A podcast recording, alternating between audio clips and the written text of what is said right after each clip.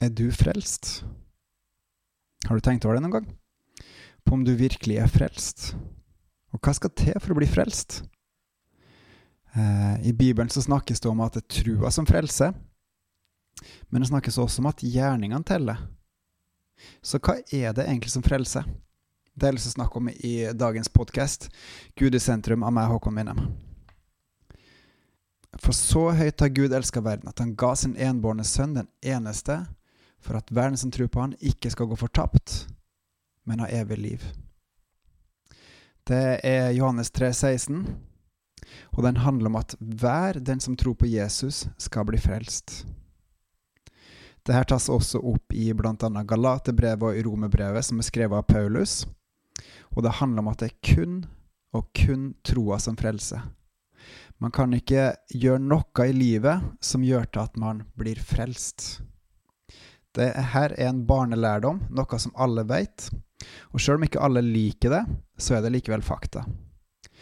Eh, det er Jesus og kun trua på han eh, som frelser. Og hans mål er ikke å dømme verden, men å frelse verden for hver den som tror. Og ja, den som ikke tror, blir ikke frelst. Og sånn er det. I et annet brev, i Jakobs brev i Nytestamentet, så sier man dog at det er ikke bare trua som frelser, men at du også må ha gjerninger. Hvorfor sier Jakob det? For å forstå hvorfor er det viktig å vite hvem Jakob skriver til. For dem han skriver til, det er faktisk jøder som er kommet til tro på Jesus. De har vokst opp som jøder, så har de vokst opp med Moseloven 613 bud, lover og forskrifter. Og nå er det noen eh, hedningekristne som sier at vi er frelst bare ved å tro, og at vi dermed kan bare synde så mye som vi vil. Og dette er jo en ytterpol eh, til det motsatte av Moseloven, og denne ytterpolen er også feil.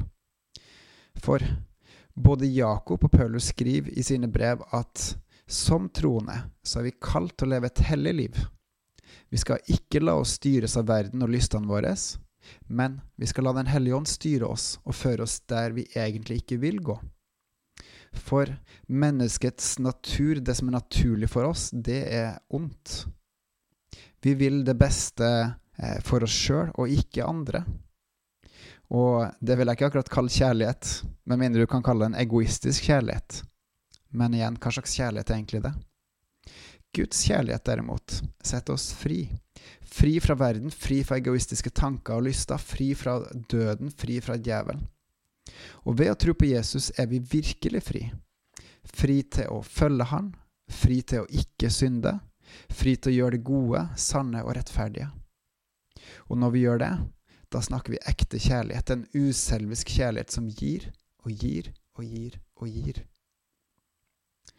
Og det er nettopp det her Jakob snakker om i sitt brev til diaspora-jødene, som levde blant mange forskjellige kristne, også dem som sa at man kunne synde helt fritt.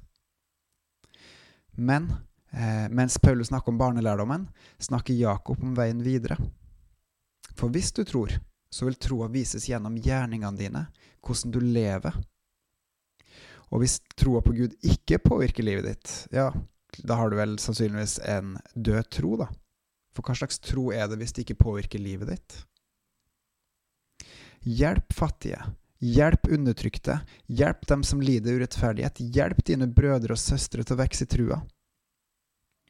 Da lever du et liv for Gud. Da lever du troa di, og troa på Jesus som Guds sønn, vår frelser og forløser på dommens dag. Og Gud vil også lønne deg. På gjensyn.